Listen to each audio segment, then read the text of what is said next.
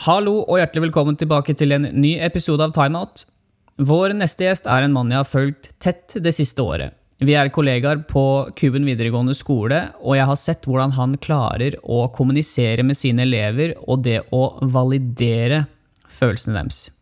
Hva er det det betyr, og er det en forskjell på det å lytte og høre? Det er ting vi annet skal gå under huden på.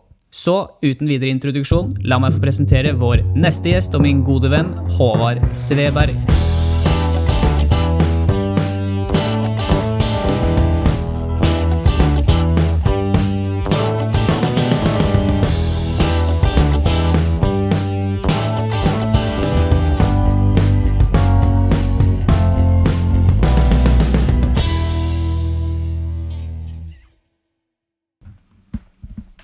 Håvard Sveberg, velkommen. Tusen hjertelig takk. Det bordet har på en måte snudd. Du har vært min veileder i hele år. Hele jobbåret, kan vi kalle det. Ah, jeg har ikke vært noen veileder. Og plutselig så sitter du på andre siden bordet. Jo, det har det vært. Alright. Det har det vært. Vi har samarbeidet i ett år. Hvordan syns du det har vært? Jeg syns det har vært kjempefint.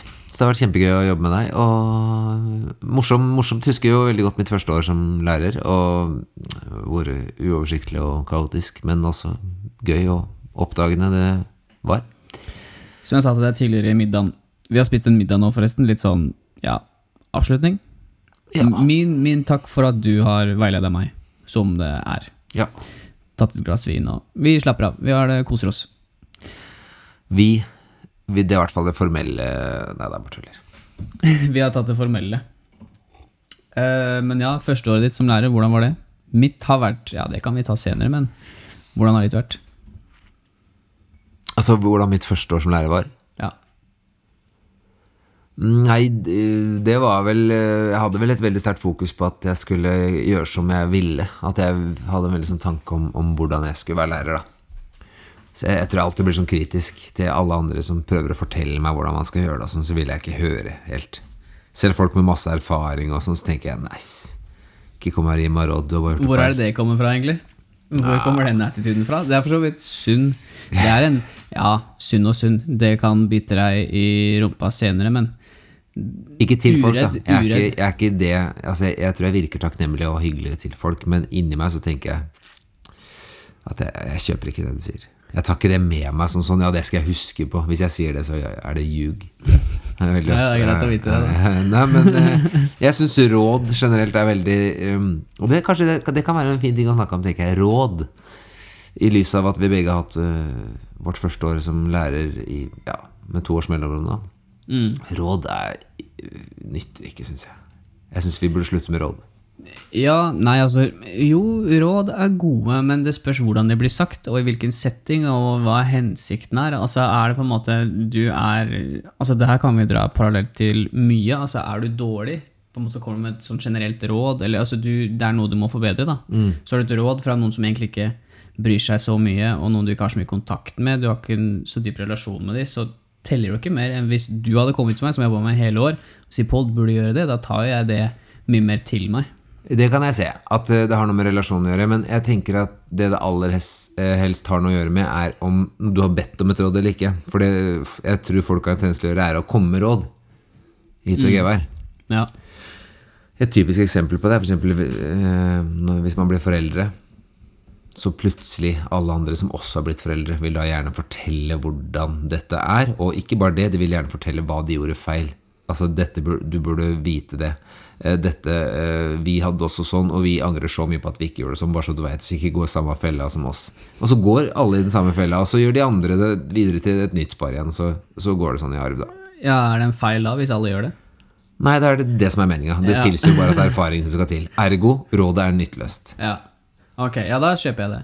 Men hvis vi ikke skal gi råd, hvordan skal vi kunne veilede hverandre da? Nei, det er akkurat det. Det er et godt spørsmål. ikke sant? For det er jo, hvis, du har en, hvis det er en formell eh, veiledningssetting, da, så er det jo mye tryggere å holde på sånn, for at da er det regler og rammer for hva du har lov til som veileder. da. Men det, det fordrer jo at noen har lyst til å finne ut noe. Og at det er Ja, regler at det er faktisk man noen som står i andre enden som vil. Ja. Det må, altså, interessen må ligge der, da. ja. Ikke fra den som gir rådet. Nei, Hvis du kommer til meg og sier Håvard, jeg sliter med å få i gang klassen. Det er kaos i starten av timen. Har du noen tips? Så kunne jeg tenkt liksom «Ah, Ja, det, det har jeg kanskje. Men eh, hvis eh, vi snakker om læreren, så sier jeg Du, det er et par ting jeg har et par råd til deg, og du ikke har spurt om det, så hadde jeg fika til meg selv. Ja, sånn sett så skjønner jeg jo at det ikke Verken funker eller er passende, på en måte. Men det kommer an på, hadde du kommet til meg bare du pass på å gjøre det eller ikke gjøre det, på en måte, så, så kan jeg jo ta det. Men hadde det vært en annen som ikke jeg kjenner så godt, som sier det, da kunne jeg jo kanskje blitt fornærma. Men da, da eh, utelater man også på en måte den viktigste faktoren, for at, da tenker man at eh, de samme tingene vil oppstå for deg som det gjorde for meg. Uten å ta hensyn til at kanskje jeg gjorde mange ting som gjorde at det blei sånn, mens du gjør andre ting, så da ville det ikke bli sånn. Så Snakker så råd snakker du nå om for dem eller for deg? Nei, eksempel hvis du som lærer, da, eller når jeg som lærer nå har jobba eh, to år før du kom inn, og hvis jeg da gir deg råd på bakgrunn av mine to års erfaring, så er det ikke sikkert at det har noen relevans for deg, for det, eh, det er ikke sikkert du utfører lærerrollen likt for meg. Så det er, Det er sikkert, det er ikke sikkert du vil møte på de samme problemstillingene i det hele tatt. Og i så måte så burde det være mer interessant å snakke om hva tenker du at du vil gjøre, enn å si dette burde du gjøre eller ikke gjøre. Det er sant. Tror du skjer det ofte? Eller vi kan ta sånn parallell på alt, da. Hvor ofte opplever du at noen kommer og gir deg råd uten at du har spurt om det? Eller at det ikke har vært et kanskje setting for å ha behov for råd, eller hva det er for noe? Hvor du bare kommer noe Du burde gjøre det uh, uten at det på en måte er et samtaleemne, da. Jeg syns det skjer ganske ofte, og jeg blir like irritert hver gang. Ja, gjør du og det? jeg har også noen ganger har sagt ifra. Jeg har sagt jeg vil ikke ha noe råd. Jeg vil bare Enten da, hvis jeg bare vil dele noe, eh, eller fortelle noe, eller sånn, så er det veldig fort at folk responderer automatisk med råd. da ja, Eller perspektiv er kanskje det verste. At eh, jeg tenker liksom Nei, det, dette der er eh, perspektivløst. Hvis du er en følelse, så er du ikke perspektiv. ikke sant? Da er du inni noe. Ja, ja. Og hvis du da deler det, så pleier folk å respondere med råd og perspektiv. Du må huske på det at eh, Ja, men du veit det, Pål, at nå har du jo ditt første år. Istedenfor at jeg hadde sagt Pål, det der kjenner jeg meg igjen i, ass. Sånn hadde jeg jo som første år. Ikke, ikke, kom noe, ikke følg opp med noe råd. Bare stå i det sammen, da. Det er mye mer styrkende for din vei, det. At jeg står i at du er i ditt første år, enn at jeg sier, snakker om hvordan det blir neste år, eller om to år. Det er ikke utviklende for deg, tenker jeg, da. Nei, du, altså, så er det litt sånn at du sier på en måte at du forholder deg til det som er der og da. Vi an, at du, du egentlig bare anerkjenner det Hvis jeg sier jeg har en dårlig dag, og så sier du ja, jeg vet hvordan det er å ha en dårlig dag, det er skikkelig dårlig, det suger. Eller ja. Kontra er jo da at du kommer Ja, det suger, du burde gjøre det. Eh, Ja, for det er jo det som ofte skjer. Jeg tror det vi er vant til fra gammelt av. Å si liksom Ja, men nå må du huske på det at Det er litt sånn barna i Afrika-type. Det er alltid noen som har det verre. Du må, alltid, du må huske på at Og det er jo et fokus som drar deg bort fra følelsen og opplevelsen din om hvordan du har det. ikke sant? Som er ganske usunt da for helsa di, tenker jeg. Hva mener du? Nei, hvis du prøver å fortelle meg noe om hvordan du har det, og responsen min er at det burde du ikke. Det er jo det jeg sier ved måten jeg responderer på. Jeg forteller deg at jeg er ikke så interessert i å høre om hvordan du har det. La oss heller snakke om hvordan du burde være. Hvordan du burde ha det. Det er ganske ødeleggende for velvære. Mental velvære. Ja, altså, men Måten du sier det på nå, det gir jo fullstendig mening. Altså, det gir jo, men det er fordi jeg er jævla smart, ikke sant? Ja, du er veldig smart. du er veldig smart. Du er jo veldig inne på noe. Altså, det er jo eh, Måten du sier det på, er jo som at det er helt riktig. Men det er jo veldig få. Altså, jeg og tar meg selv, vi sier jo ofte sånn Ja, jeg skjønner det, men du må tenke det at Og det er jo klassisk felle, kan jeg kalle det felle. Ja, ja, totally. Men alle gjør det jo. Så det er jo ikke noe felle foreløpig. Men hvis flere begynner å gjøre det annerledes, så blir det ikke noe Da blir det jo en felle å gå i. Hvis man merker at det fins en annen vei, da. Mm. Hvordan tror, du, hvordan tror du samtalene hadde blitt hvis, vi, hvis alle sammen bare hadde anerkjent det vi føler der og da? Hvordan hadde det blitt, egentlig? Nei um, Det finnes nok et metningspunkt for det. Men man trenger ikke å anerkjenne så jævlig mye. Du trenger bare å, å høre etter hva som ble sagt. For Hvis du sier Fuck helvete, jeg har en bedriten dag. Så sier jeg bra, Så kan jeg si Bra du sier fra, Pål. Si fra hvis du trenger noe. Så er ikke det å anerkjenne eller validere eller Jeg går ikke så jævla inn i noe sånn terapi. Eh, men, det en, jeg, men jeg godkjenner da at du har det dårlig. Og så sier jeg Hvis du trenger noe, så si fra hvis jeg kan gjøre noe for å tilrettelegge dagen din. Og det, det synes jeg Det burde vi åpne for at elevene skal kunne få til òg, når de kommer på skolen. Så Det har jeg liksom gjort noe på starten av undervisningen, siden vi var inne på det i stad òg. At jeg starta undervisninga med liksom, jeg ville ha tak i dagen din. da Det er jo fordi jeg har et humanistisk syn både på ja, læring og, og alt. Men det, det funker jo. Altså, det er jo eh, Må jo skryte av deg. Altså, jeg har jo vi har, Jeg og Håvard deler samme klasse. Jeg er på en måte din høyre hånd, og din fyller inn der det er behov, nesten. Jeg har faste timer, men på en måte det er du som dirigerer klassa, da, og fagene. Men det er jo Vi, prater, vi sitter jo og prater om livet noen ganger, og vi sitter og altså, Vi prater om absolutt alt. Og da kommer vi inn på liksom, ja, hvordan er det å være elev, og hvordan er det å ha oss lærere. Og de gjentar hver gang at Håvard er liksom the peak. Liksom, de har ikke opplevd maken, da. Og grunnen til det er fordi du ser dem som mennesker, ikke som elever, kanskje. Og du ser dem som unge voksne, du ser dem som i utvikling. Du hører på hva de sier. Liksom 'Jeg har en dårlig dag'. Ja, det skjønner jeg. Greit. Jeg kan la deg være i fred. Si ifra hvis det er noe. Mm. Det er en sjuk egenskap du har. Altså. Misunnelig, egentlig. Det er hyggelig å høre. Takk for det, Pål. Jeg tror på en måte det er et øvelsesprinsipp, bare det. Det er ikke sånn at det var Det er ikke noe sånn at det har jeg alltid vært. Det har jeg liksom trent meg inn, da. Sosial handlingskompetanse, da? Nei, det tenker jeg er superviktig. Det går jo litt under Det kan man jo øve på gjennom validering og anerkjennelse også, for jeg tror jo at i lys av å bli forstått, så vil du selv få en motivasjon til å ønske å endre i livet ditt. Men hvis du aldri går rundt og opplever å bli validert og forstått, og du føler at det er du som er feil, du er ensom, ingen forstår deg, så er ikke det noen motivasjon for å gå videre i livet. Men hvis hvis noen liksom bare forstår det, skjønner at sånn er det, så i lys av det så er det en helbredende effekt på mange. Da, at man selv bare ønsker å Ja, Bli, bli sett, rett og slett? Ja. Jeg, jeg liker ordet validering. Det, det, bruker man liksom mye i psykiatrien. Jeg har jo gått en del til psykolog og, og, og ja. Og det er liksom et ord som veldig ofte blir brukt der. I pedagogikken så bruker vi gjerne anerkjennelse, men det går på mye av det samme. Ok, men ja Validering. Har det, hva, ligger i ordet validering for deg? Nei, altså det kommer litt an på Jeg tenker kanskje litt forskjellig om, det, om jeg møter min sønn, eller om jeg møter mine elever, eller deg, da. Mm. Men jeg liker ordet validering. Jeg skal Jobben min i, som støtte for deg, da, når du trenger det, er jo at jeg skal bare gyldiggjøre sånn som du har det. Du trenger ikke noe råd av meg. Du trenger ikke at jeg skal gjøre noe. Jeg skal bare gyldiggjøre sånn at du ikke føler deg så aleine i det. Og så gjennom det så kommer du til å si Faen, ass, i morgen skal jeg faen meg Har du et eksempel på hvordan du, hvordan du lytter til en elev, da? Eller til eh, Altså, nå sier vi elev, det kan være venn, det kan være hvem som helst, ikke sant?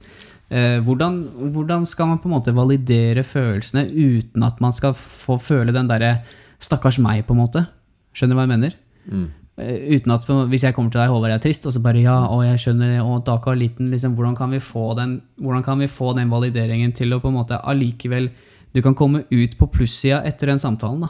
Annet enn at du bare har tømt tankene dine og følelsene dine. At eleven eller den som kommer og søker, kommer ut på plussida, liksom? Ja. Uten å føle seg som et off Altså uten å føle seg ja. som sånn Ja. Nei, det, det, det, tenker jeg fint eh, perspektiv du tar opp. Jeg tror det er det som kvier mange til å gå inn på liksom, Til å gå i terapi og der se for seg at man skal sitte og drukne i følelser og sånn. Og en sånn sterk validering Jeg tror i psykiatrien skiller man mellom en sånn lett validering og en dyp validering. Og det som kjennetegner validering, er jo at du gjerne ikke helt vet hva du føler selv.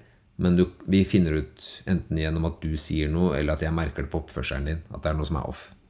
Ja. Så tar jeg tak i det. Så sier jeg på faen for meg så ser det ut noe som, som det er noe som ikke stemmer helt for deg i dag. Og bare gjennom å si det, så hvis, man, hvis det er noe, så vil det sannsynligvis komme noe. Du vil i hvert fall få informasjon om det treffer eller ikke. Ja. Så på en voksen vil det kanskje være mer at du ser det på at det traff. Kanskje de blir setter i gang tårer, eller at det blir liksom Ja, veit du hva, gubben Gubben forlot meg i går, eller, eller hva enn, liksom. Og, ja. og, da er det liksom så, så forferdelig trist å høre. Og, øh, så en validering vil jo da si at ja Hva skal jeg si? Hvordan skal jeg legge det fram? Jeg er ikke sånn ekspert på det, men øh, det må, altså, Hvis man skulle turt, da Det må jo være helt forferdelig for deg. Må jo være helt Og, og forferdelig komme fram og spørre om og, sp- Eller Nei, hvis, si hvis noe, du liksom. sier det 'gubben min forlot meg i går' Ja, det høres dumt ut. ja, så, så, så vil jo en validering være så forferdelig. Det må jo være helt grusomt for deg. Du må jo være kjempelei deg. For det vi ofte prøver å gjøre, er å skåne de der utbruddene og følelsene. ikke sant? Vi vil ha perspektiv. Kom, fort bort fra den følelsen der nå. Men en validering vil jo ha tak i den. ikke sant? Så da vil jeg jo si kanskje det, da. Så forferdelig trist. Med innlevelse. Man skal tone inn på den riktige følelsen. Og, og da er jo håpet da at det, kanskje den andre som føler det, skal si ja, det er grusomt, jeg har aldri hatt det verre. Og kommer i kontakt med den følelsen man egentlig har. Og bare det er jo det som er Validering hadde man jo ikke trengt, sånn som jeg ser det, hvis vi bare hadde vært flinkere til å I første omgang. ja, til å ta tak i følelsene. Ja. Du er redd, ja. Så det skjønner jeg kjempegodt. Jeg vet at, Hei, du lille eh, Mohammed på fem år. Det er klart at du er redd. Jeg kjenner deg jo godt. Jeg vet jo at du blir redd når vi kjører for fort med bilen. Det er ikke rart, det. Men, men Mohammed vet kanskje ikke at han, det er det som skjer med han. Han trenger å bli speila og validert, Ja. sånn at han kjenner igjen følelsene sine. Så hvis du alltid har voksne rundt deg som sier 'Nei, det er ikke noe stress, det her'. Men se, nå kjører jeg kjempefort. Det går, ser du hvor bra det går? Så vil jo han få et anspent forhold til å bli redd. Ja. Fordi at eh, han føler noe, men han vet ikke helt hva det er, og så får han beskjed om at det er feil. Det er ikke noe å være redd for. Du tar ekstremt på å sette ord på det da. Sette det i perspektiv. Eller, nei, ikke perspektiv. Ikke perspektiv. Å sette ord på det du skal Altså sette ord på dagsorden, da, hvis vi kan kalle det det. Der er du god, altså. Men forskjellen på å lytte og høre, hva har du å komme med der? For jeg mener det er en stor forskjell. Det bånder jo mye av det vi har sagt nå, men har det noe, har det noe forskjell? Og hvordan, hvordan, hvordan kan du se at noen hører eller lytter? Jeg tror ikke jeg er sånn supergod lytter, egentlig. Jeg har veldig kort uh, toleransevindu, holdt jeg på å si. Jeg har kort vindu jeg kan være interessert i hva folk sier. Har du det? Ja, ja. Jeg tror med elever så er jeg overpresterer jeg. Uh, og jeg, der har jeg kanskje god stamina. Ellers så kan jeg flakke med blikket, bli utålmodig. I hvert fall hvis jeg føler at folk driver og bullshitter meg med ting, da. Men hvis folk er ærlige og er i et sårt øyeblikk og forteller noe, liksom, da, da, da skaper det motivasjon hos meg til å møte det ordentlig. Da har jeg ikke noe problem med det. Men, men sånn lytte og Jeg syns folk snakker så ofte om det er så fint å ha venner, en som lytter og Ja, det er jo godt å tømme seg. Jeg har kanskje litt anstrengt forhold til det sånn lytting og, og Jeg vet ikke, hva tenker du? Jeg syns det er kjempespennende. jeg. Altså jeg tenker Lytting handler i stor grad om det vi har snakka om nå. Det å validere, som jeg har blitt enige om vi skal bruke, det ordet der. At vi validerer det. Om det er dypt eller eh, ikke, om valideringen er dyp eller ikke, det Med vet jeg kompiser ikke. skal man gjerne ikke det. Det er sånn man gjør med barn. For å lære dem om sine egne følelser, så skal man gjerne kanskje dypvalidere. da. Ja. Med, med elever eller kompiser eller andre så er det snakk om bare en enkel overflatevalidering. Ja, men forskjellen på å lytte og høre, der mener jeg det er eh, Jeg, jeg syns det er veldig interessant å høre mine venner snakke om sine problemer og det som er bra, og snakke om Altså Det er så veldig sjeldent jeg har en, har en samtale om hva Kim Kardashian gikk i på Met-gallaen forrige uke. Det, det skjer aldri, og vi liksom Vi snakker enten om felles interesser som er ishockey eller sport eller noe annet kult vi interesserer oss for, og så er det på en måte Så snakker vi om liv og følelser, og vi stiller hverandre spørsmål. Og da tenker jeg om Begge lytter jo. Sånn som vi gjør nå. Du og jeg, vi sitter jo og lytter til hverandre, for vi sitter og stiller hverandre oppfølgingsspørsmål. På samme måte da prater jeg med vennene mine og kjæresten min og søstera mi og mamma og pappa og alle andre om oppfølgingsspørsmål, hva de tenker. Liksom Det tenker jeg å lytte, da. Ja da, det kan jeg være enig med deg i at det er forskjell på å høre og lytte. Og det det skilles i, er kanskje hva som kommer tilbake, liksom. Altså ikke selve lytte Ikke, ikke selve øreprosessen, men munnprosessen i etterkant. Som, som ha, forteller noe om du har For det som jeg føler ofte mennesker gjør, og voksne, er jo at hvis du sier 'Veit du hva, i- helga Du skulle sett. Veit du hva som skjedde?' Altså, dattera mi kom hjem. Eh, hun kom hjem, og hun hadde vært ute, og, og de skulle bare overnatte hos en venninne, men der hadde de begynt å drikke. Og så kommer menneske B og sier 'ja, veit du hva, det gjorde min også'. For, da jeg for 15 år siden, så gjorde min også det. Ser du hva greia er? Ja. Man, man hører, man, det er ikke noe lytting. Du hører hva det er sagt, og så vil du ha inn dine egne erfaringer rundt det temaet. Og da går man ofte i sirkel.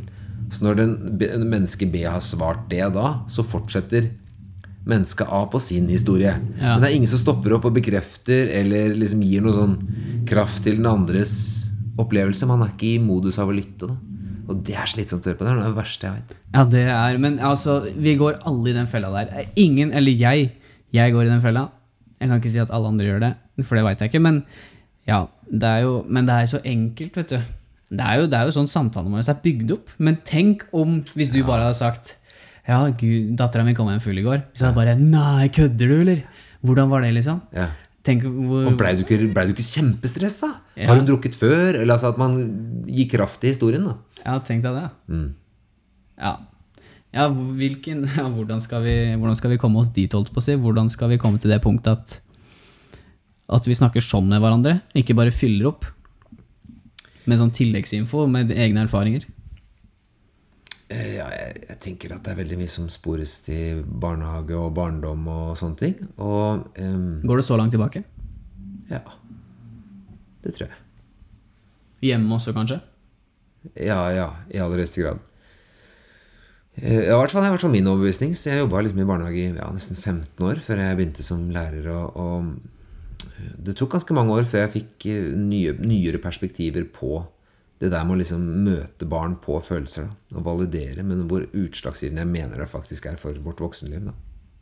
Ja, for det er da vi formes, på en måte. Altså du legger grunnlaget for alt, da. Ja, ja. Nå snakker vi ikke om koordinativ, eh, koordinative egenskaper eller kognitiv utvikling. Vi snakker om på en måte grunnleggende Her har du barken på treet ditt. Nei, ikke barken, altså kjernen, selvsagt. Ja, men bare ikke nå etter hvert. Men, men hvis du lærer deg å løpe med skeiv, bakoverlent rygg, hvordan er det du løper 20 år etterpå, liksom? Jeg antar at det er med skeiv, bakoverlent rygg. Med mindre du, noen kommer og sier Bål, kan ikke jeg få lov til å Kan ikke, kan ikke ta og på den løpestilen Helst, helst skal jeg komme til deg og spørre om hvordan jeg kan, hvordan jeg kan forberede. Ja, ja. Men okay, Men, ja. men hvis man sammenligner det med eksempel å gå til psykolog, da, så blir jo det det samme som å lære seg å løpe på en annen måte. ikke sant? Så jeg tenker jo at det med å gå til psykolog, det er flott. Men det er jo ikke noe vi gjør i eh, krisesituasjoner så veldig ofte. Jeg tror de fleste av oss gjør det fordi vi virkelig opplever at jeg syns det er vanskelig å funke. Da. Vanskelig å eksistere Har du vært hos psykolog? Masse. Ok. Hvordan har det holdt på å si? Og gå til Jeg, jeg har aldri vært hos, jeg har vært hos barnepsykolog. Jeg hadde angst for Altså, jeg har fobi for slanger og krypdyr, rett og slett. Oi, Call me whatever, men Nei, jeg eh, kaller deg ikke noe. Nei, men slanger fobi, Jeg tenker det jeg tenker, men jeg kaller deg ingenting. fobi er en fobi. Om du har fobi for støv, eller altså støv på hjernen, eller om du har fobi for edderkopper eller slanger. Jeg har legit fobi. Det er når jeg, når jeg, flytt, når jeg flytta inn med folk, når jeg var på universitetet rundt om Jeg har bodd med nye folk hvert år. Så jeg har sagt dere kan gjøre hva dere vil, kødde med meg, skremme meg, gjøre hva som helst, men putter dere en lekeslange i senga mi, så knerter jeg alle sammen. Ja. Jeg ofrer ikke en tanke engang. Det er det eneste jeg er redd for. ja. Jeg er ikke, ikke dødsangst, ingenting. Nei. Men slanger, det er liksom Prøvde å se på Tiger King, vet du. Ja, ja. Jeg og Bea skulle se på, på liksom Trykke på eh, samtidig 1, 2, 3 på FaceTime. ja. Så kommer det en fucking slange på, og jeg seriøst, jeg stivner. Og så føler jeg bare dens eksistens liksom i rommet. ja. Det blir så ekte, da. Er det som med slanger og kryp Altså er det med andre dyr? Nei, eh, kanskje, og, og kanskje eh, når, jeg var i, når jeg var i Cali, så var jeg på et sånt stort akvarium. Og der hadde de åler. Cali er hipt for California, eller? Short for California? Cali, ja. Ja. ja. Det er sånn, det er sånn gutta på gata sier. Eh, Cali, ja, ok. Eh, California. Ja. Eh, og der hadde de akvarium, og det var åler der. Eh, takler mye. Jeg føler jeg egentlig liksom, Jeg føler ikke jeg blir så ofte redd og sånt. Nei. Jeg var mørkeredd før, men jeg har på en måte ridda meg den. Ja. Men eh, ting uten armer Iguanaer, kanskje, syns jeg er litt sånn altså de, de, som, de som blander seg for enkelt med naturen, da. De som har en sånn kamuflasje, kanskje. Ja. Kanskje det er jeg redd for. Og så skvetter jeg utrolig enkelt. Ja. Jeg er ikke redd for det, men jeg skvetter veldig fort. Ja. Sånn Oi! Og så hø. Ikke sant? Ja, kanskje, det har, kanskje det har en eh, sammenheng? Ja, men de, den, den fobien Jeg kan stå og dusje. Og så, og så lukker jeg øynene for å på en måte Når du lukker øynene og lener hodet bakover Ja, ja. for å skylle ut, Ja, ja. så på en måte så kan jeg på en måte bare se at det på en måte det dukker opp et slangehode under dusjgardina. Og så på en måte så bare kommer den inn, da. Og, på en måte, og det skjer ofte, på en måte. Jeg har blitt mye bedre på det. Ja. Har på Hvordan sånn, du blitt bedre på det? Nei, jeg har hatt litt sånn kognitiv atferdsterapi med meg selv, da. Altså det å på en måte anerkjenne frykten, og også sakte, men sikkert eksponere det, og eksponere deg selv i trygge omgivelser for den frykten. For å så da Jeg har ikke, jeg har ikke kommet over den. Når jeg jobba med det, kanskje sånn to års tid alene. For jeg fant at jeg kan ikke Jeg kan ikke ha det sånn. Mm. For det ødelegger for livet mitt, på en måte. Fordi det har vært en så sterk fobi, da. Men tror du ikke liksom at det også kommer fra noe? Jeg er ikke født med fobi, liksom. Nei, jeg tror jeg har, jeg har sikkert blitt bitt av en slange da jeg var liten, eller et eller annet. Eller eh, jeg var også Den barnepsykologen sa at jeg, jeg var så redd for nåler. Så liksom Hun så noe sammenheng der, da. Ja. Selv om jeg ikke er redd for tennene på slangen. Det er mer mønsteret, liksom, måten den beveger seg på. Hodet, gjerne hvis kameravinkelen er rett på. Hvis det er en kobra som reiser seg, ja. så vil jeg helst bare på en måte Ja, men du, da, jeg, vil, liksom, jeg vil ikke være her. Nei. Så ja. Altså, de jeg gikk på ungdomsskole med videregående, kan skrive under på at jeg liksom Jeg begynte å hyle Ja, i naturfagtimen da vi skulle se på film. ja. Så, men ja, ok, forbi. Vi snakka om psykolog. Nå, nå dro du meg ut her. Nei, men jeg begynte å tenke på det, fordi noen ganger, for eksempel, hvis du hadde begynt å fortelle noe i stad, så kunne jeg på en måte Men noen ganger så har jeg lav energi, ikke sant? og da er jeg ikke like god på å følge opp eller anerkjenne. Men Mens nå så begynte jeg å tenke litt på det, fordi vi snakka om det i stad. Så da du begynte å fortelle om fobier nå, så tenkte jeg nei, nå skal jeg gi litt kraft til den Ja, ja, opplevelsen. ja. Og ser du hvor mye det har å si? Ja. Altså hvor mye mer du tillater deg å fortelle om hvis jeg faktisk eh, hører på hva du har å si, da.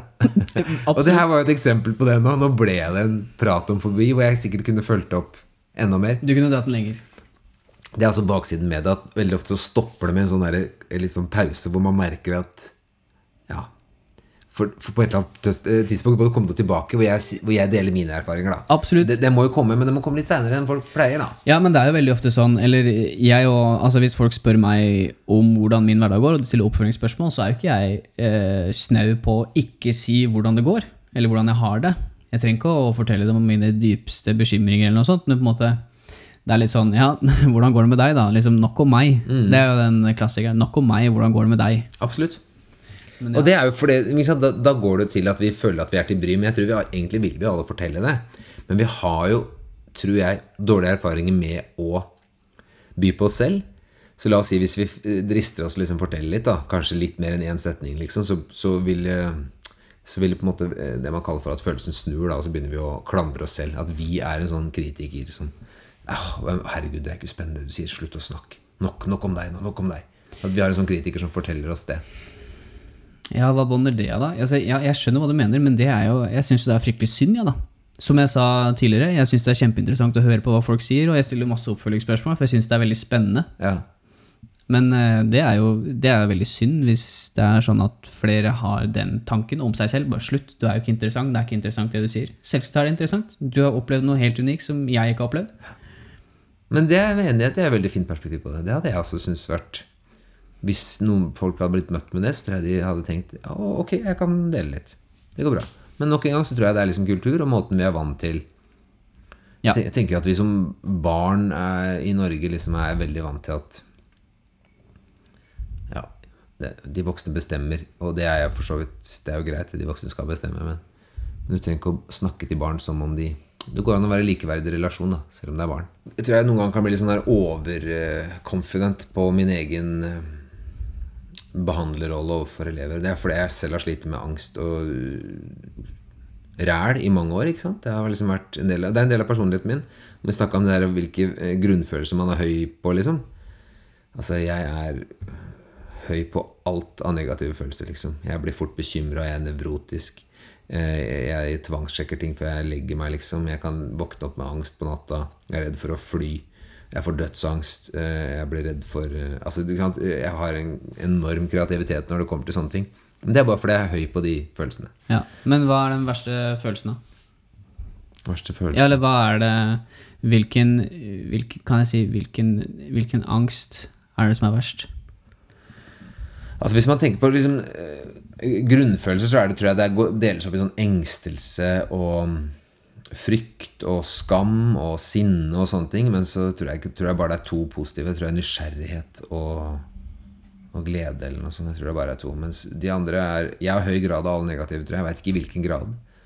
Eh, Men, men at det er høyt på det. Men Det er jo det som gjør at det er angst. At angsten kommer, da. ja, fortell hva angst er for noe, da. Hva er angst for noe? Vi har en type definisjon, og hva er angst for deg? ja. Jeg syns det er spennende. Ja, jeg tror angst i størst grad oppstår hvis de du er de, Hvis de negative følelsene du er sterke på, ikke blir regulert og møtt av omgivelsene dine opp i oppveksten din. Da tror jeg det utvikler seg angst. Og det, er, det på en måte gir, gir sin praktisk sammenheng. da. Hvis du går rundt og føler deg annerledes, eh, ensom, eh, feil når disse følelsene kommer, mens du ikke blir forstått i det, så vil det pakke seg en angstfølelse over den følelsen som egentlig kommer. Så hver gang jeg blir redd, da, så vil jeg få angst istedenfor. at hver gang jeg har blitt redd, så er det ingen som har stått der og tatt imot. Eller om det er en lærer, eller om det er noen hjemme, eller, enn, eller om det er søsken, eller hva det er. Hvis du alltid har fått beskjed om at nei, men det er ikke noe å være redd for, eller noe sånt, så, så vil det, du ende opp med å eh, ikke føle aksept for den følelsen. Da vil du ikke ha den følelsen. Så hver gang den følelsen, så oppstår det liksom en sånn uro i kroppen. Det, det er angst. Hvordan, hvordan, er det hvordan er det på en måte et angstanfall skjer? Altså, hvordan, hvordan, hvordan kjennes det? Kan du guide meg gjennom liksom, handlingsforløpet ved å liksom, oppleve det? Liksom, er det en oppbygning? Liksom, er det enkelte symptomer du kjenner? Er det noe som foregår? Mm. Først og fremst tror jeg det er viktig å skille Det det er ikke noe automatikk at man har angst og angstanfall. Ok. Sånn at, Nei, nei, nei, nei, selvsagt. selvsagt. eh, Men eh, Jeg vet ikke om det er selvsagt. Det, det er Jo, det er selvsagt. Er Det det? er selvsagt, ja. Ja, men i hvert fall hvis eh, ungdom mellom 18 til 25 hører på, så tror jeg det er veldig viktig at det, er, det kan fortsatt være angst selv om man ikke har angstanfall. ja. Men mange får det òg. Da tror jeg det ofte er liksom ting som har gått langt. Da. Ja, det vet jeg ikke, men Men jeg, jeg vet ikke om jeg har hatt noe angstanfall. Jeg vet at jeg har vært inne i situasjoner jeg ikke husker noe av. liksom. At jeg har hatt så høy puls og jeg kjent hjertet dunke så hardt at eh, kroppen har liksom hoppa. Og jeg har vært så redd at jeg ikke har visst hva jeg skal gjøre. med. Men tror du det bånder i noe sånn type eksistensielt? Fordi min opplevelse av jeg har, jeg har ikke så mye erfaring med det. Jeg har vel mer erfaring med det å, å være ikke jo lei meg og liksom deppa typ. Jeg har ikke så mye angst. Det, det har jeg veldig sjelden til aldri opplevd. Jeg opplevde det en gang jeg var i Roma. Det var nyttårsaften 2018. Og da er det smekk med folk. Paven skal ha gudstjeneste, ikke sant? Nyttårsgudstjeneste. Halve Asia kommer over for å høre på, ikke sant? Det er smekkfullt med turister og folk. Alle er ute. Jul er fin tid. Vi går rundt i byen der, og liksom fra vi går ut døra, så på en måte så er det stappfullt med folk. Kommer rett fra Ridabu, ikke sant? lite tettsted på Hamar, 30 000 innbyggere. Kanskje et par naboer. Er bekmørkt, masse snø, iskaldt. Kommer jeg ned dit. Masse folk. Og på en måte, jeg følte at jeg fikk litt sånn klaustrofobi, da. At på en måte at jeg fikk ikke puste fordi jeg klarte ikke å gå noen steder. Litt sånn kanskje det folk har for heis, hvis jeg kan liksom sette det i perspektiv her. Og det var ekstremt ubehagelig. på en måte. Jeg, hjertet pumpa, jeg liksom ble kald på henda. eh, Synet snevra seg inn. Det var tungt å puste. Jeg følte meg litt sånn der prikket i beina. Det var så mye som skjedde. Så jeg sa til Bea bare du, helt ærlig, du må få meg vekk herfra. Jeg klarte ikke å si at jeg hadde, hadde noe klaustrofobi eller noe sånt. Det, bare, det er for mye folk her, jeg må stikke. Hun skjønte jo ikke hva greia var, så hun, altså, hun fulgte jo ikke med. da. Hun var jo opptatt av å navigere rundt, for jeg sa bare 'jeg må vekk nå'.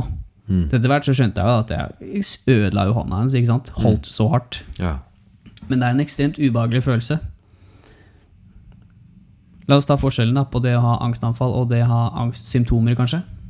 Ja, jeg, jeg prøver liksom å sette meg inn i eh, situasjonen og, og Jeg veit ikke, for for meg så liksom kommer angst ut i mine øyeblikk, da. Eh, Så det er vanskelig å sammenligne med andre typer liksom ubehag, da. Men, men eh, et høres ut som eh, en ting som oppsto for deg der og da, men som ikke nødvendigvis ville oppstå neste gang du er i en stor folkemengde. Ja. Nei, nei, har ikke skjedd igjen. Men det var noe som oppsto der, hvor Ja. det bare blei for mye, og du måtte bort. Mens angst så føler jeg mer at det har satt seg et mønster på hvilke typer ting som mm, trigger, da. Ja, hva mener angsten. du? Hva mener du? Nei, hvis du har sosial angst, da, eksempel, så er det jo eh, mye folk, store forsamlinger, også overbefolka forsamlinger, da, som kan trigge det. Eh, Eller eh, frykten for å ikke liksom strekke til i samtale eller smalltalk med andre, at det liksom alle liksom sånne At du blir nervøs av det? på en måte? Nerve, ja, og at det, kan, det igjen kan skape så angst. Men da tror jeg det er mer sånn en mild form. Du klarer å komme, komme deg gjennom det. Kanskje de du snakka med, merka at du var litt off. Ja. Men så kommer du deg videre, og så er det noe du alltid misliker, eller Det er ikke nødvendigvis så sterkt. Det, det tror jeg er sånn hverdagsangst som en del har. Da har du tror jeg, det bare litt sånn personlighetstrekkene dine som gjør at du syns det er vanskelig i enkelte situasjoner. Da. Altså, de, de aller fleste av oss uh, har det greit. Noen sklir gjennom livet uten problemer. Altså Ja, jeg sier alltid at smerte er subjektivt. Det er ikke det vi skal ha, men vi, poenget er at vi alle har vår egen opplevelse av noe. Og noen har det veldig enkelt, og noen har det tyngre. Når livet er vanskelig Altså, vi har vi, Noen har angst, noen føler at selvskading er digg. Noen har spiseforstyrrelser, kroppskomplekser. Mm. Hvilke erfaringer har du gjort deg i de årene du har jobba med barn og ungdom?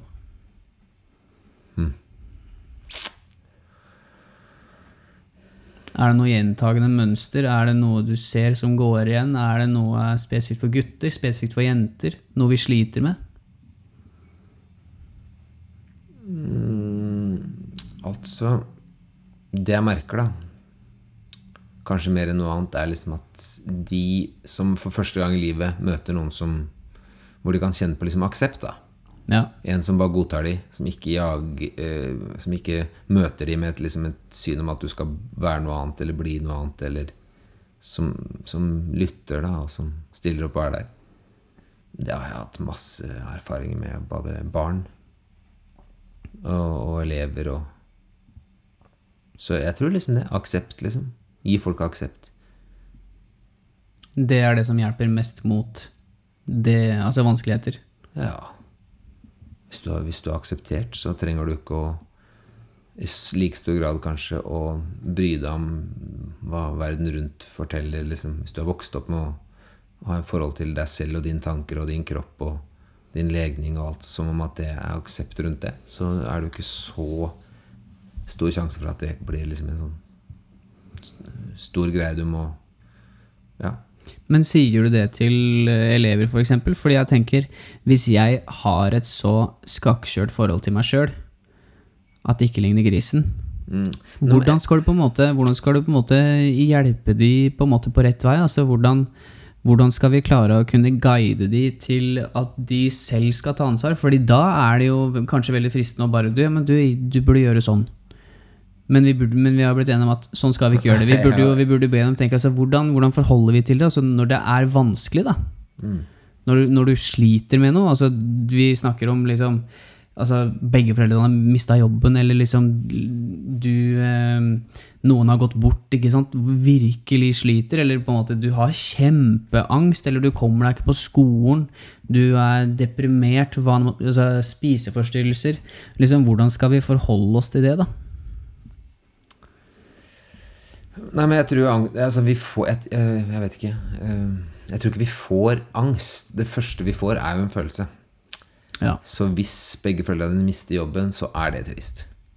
For alle. Og det tror jeg, hvis du har foreldre som da sier det, Nei, det går bra. Det går så bra. Vi har, det går fint. Mens du ser at det går ikke fint. De har mista jobben. Jeg ser det. Jeg er ikke dum. Jeg ser at dere er helt fra hverandre. Dere er helt annerledes.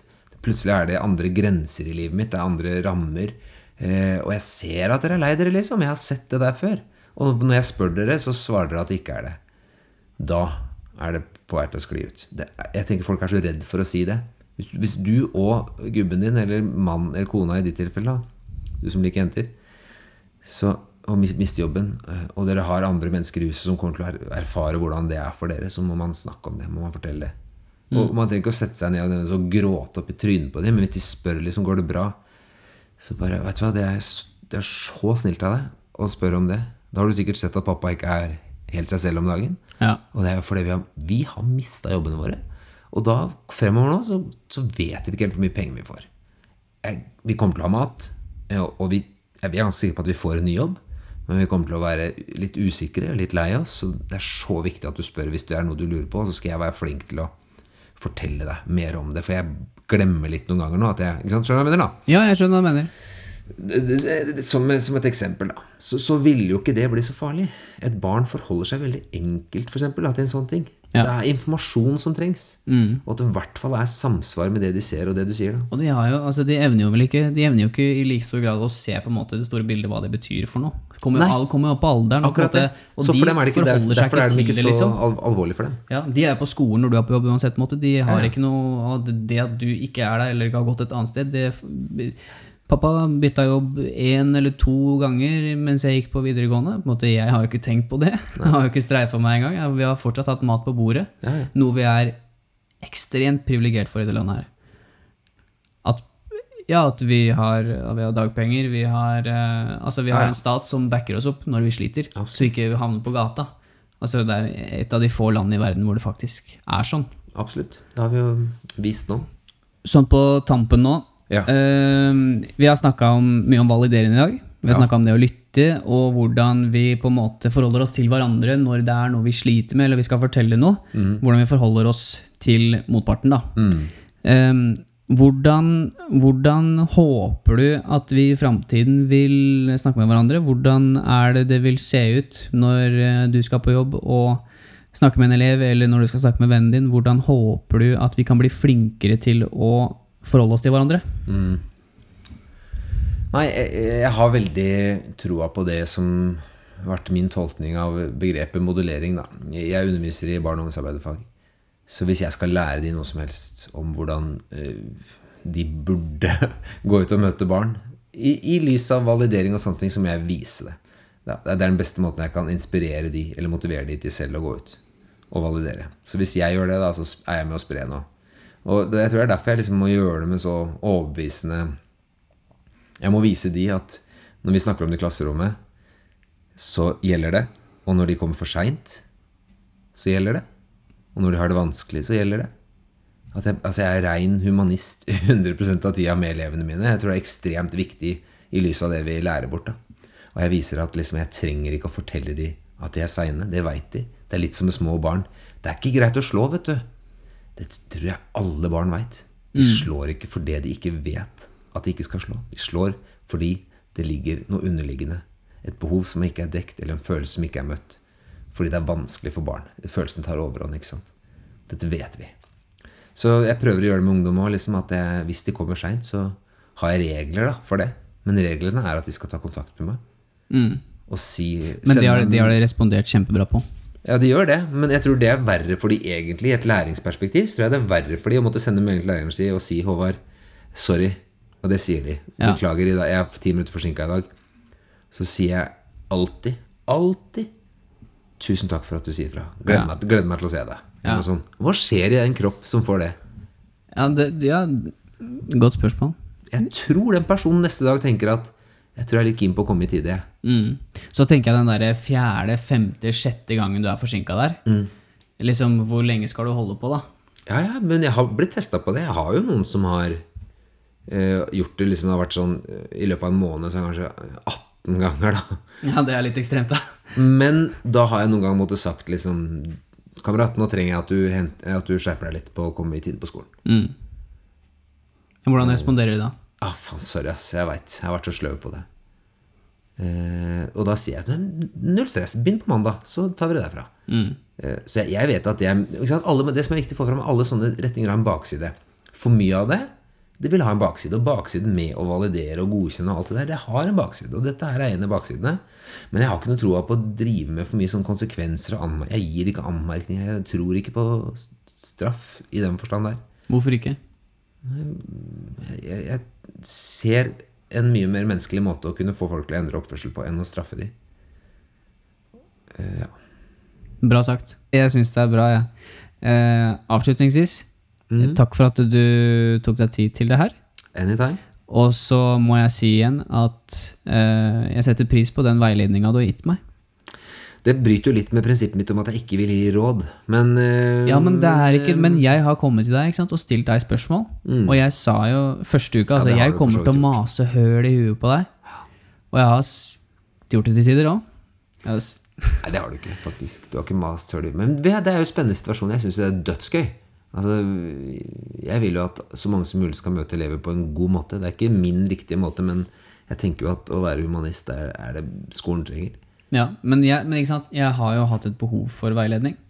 Og du har veileda meg. Jeg har lært utrolig mye. Det er liksom første året i arbeid. Og ja, opplevelsen hadde ikke blitt den samme uten deg. Altså. Det er hyggelig å høre. Det har vært en glede å ha deg på. Så um, Nå er det slutt. Nei da. Nei, det er eh, Nå, nå runder vi av. Nå runder vi av. Ja. Jeg tenkte, jeg tenkte på samarbeidet på skolen. Nei, vi kan snakke om det òg. Jeg kan bare kutte det her. Ah, jeg mente bare fra- når du sa 'nå er det eh, slutt', eh, sa jeg, men tenkte jeg bare på 'nå er det slutt'. I og med at du ikke skal jobbe på Kuben lenger. ja. Det er slutt på veiledninga. Der kom den igjen. Der kom den. Ok, ja, ja, ja. Det, ja, ja, jeg må finne Jeg skal finne en ny jobb, så det Det ordner jeg, vet du. Det suger, det suger, men nei da. Neste podkasten, det. Pål prøver å akseptere seg selv som arbeidsledig. Ny podkast kommer til høsten. Ja. Slippes i september. Nei da. Ok, Nei, det, det gjør den ikke. Greit. To år etterpå slippes den. to år. Fortsatt. Ja, fortsatt. Takk for at du hørte på. Eh, Vi snakkes, vet du. Tusen takk for at du tok deg tid til å høre på episoden. Jeg har all respekt for Håvard, sånn som dere kanskje kan høre i, eh, i episoden, men han er ekstremt flink til å sette ord på følelser, og jeg ønsker han lykke til med alt han måtte foreta seg videre i livet. Han skal fortsette å gjøre en god jobb på Kuben videregående, og elevene som skal ha han, er heldige. Så med det ønsker jeg deg en riktig god dag videre, og ha det bra!